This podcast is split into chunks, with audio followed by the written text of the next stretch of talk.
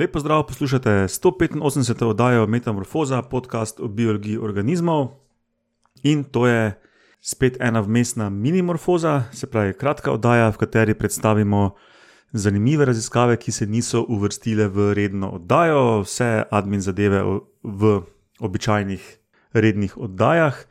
Tako da gremo kar na današnje, na hitro predstavljene raziskave, in seveda o teh si lahko več podrobno preberete, eh, če sledite povezavam v zapiskih. Raziskava ena. Gekoni so tisti kuščari, ki imajo tako odebeljene konce prstov in ful dobro plezajo. No, in zahodni progasti gekon je ena vrsta gekonov, ki živi na jugozahodu ZDA. In zraven tega, da jejo žuželke, občasno ulovijo tudi kakšnega škorpiona.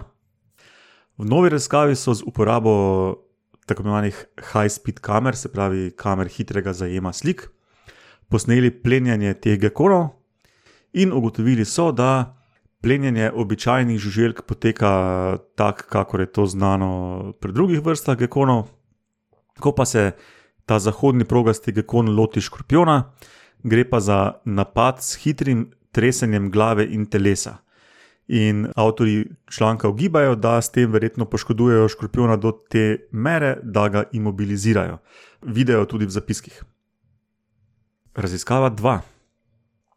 Življenje pajka samca je nevarno in to ne samo zaradi običajnih plenilcev, kot so ptiči, kuščari, ose, ampak tudi zato, ker ga med paritvijo ogroža samica. V novi raziskavi poročajo o odkritju pri samcih neke vrste pajka, ki v enem členu svojih nog shrani elastično energijo in se s pomočjo tega takoj po parjenju katapultira stran od samice in je končno na varnem. Raziskava številka 3. Obstajajo tako imenovane akustične kamere, ki omogočajo lociranje, zaznavo in opis zvokov na sliki, na posnetku. Eh, Meni so to prvič razvili v avtomobilski industriji, zadnje čase pa to pogosto uporabljajo tudi biologi. V novi raziskavi so te akustične kamere uporabili tako, da so posneli petje skupin žabcev, samcev žab.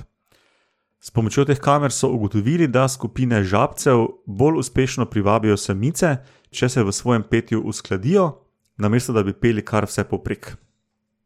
V zapiskih najdete tudi video, kako te akustične kamere izgledajo.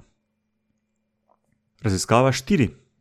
Kar nekaj vrst metuljev ima na koncu jih kril, dolge izrastke, neke repke, pod narekovaj. Uh, pri nas so taki lastovičari, recimo.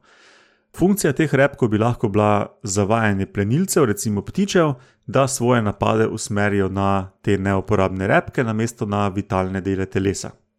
No, v novi raziskavi so testirali ravno to hipotezo in tudi našli podporo za njo. Ugotovili so, da je v naravi najbolj pogosta poškodba kril strani plenilcev prav na repkih, kar se je potrdilo tudi z eksperimenti v laboratoriju. Zraven tega so pa še odkrili, da je baza teh repkov bolj krhka od ostalih delov kril. Se pravi, podobno kot um, se lažje odlomi rep pri kuščarcah, se tudi lažje odlomijo ti repki pri metuljih. In še raziskava pet. Lastnikom mačk je mačja meta in njen efekt na mačke dobro znan. V novi raziskavi so pokazali, da kemikalije v listih mačje mete odganjajo komarje, drgnjenje mačk ob, ob mačjo meto in s tem drobljenje listov te rastline, pa precej poveča izločanje teh kemikalij in s tem poviša repelentnost za komarje. Ok, to je vse za danes, že čez dan ali dva se slišimo z naslednjo redno oddajo. Adijo!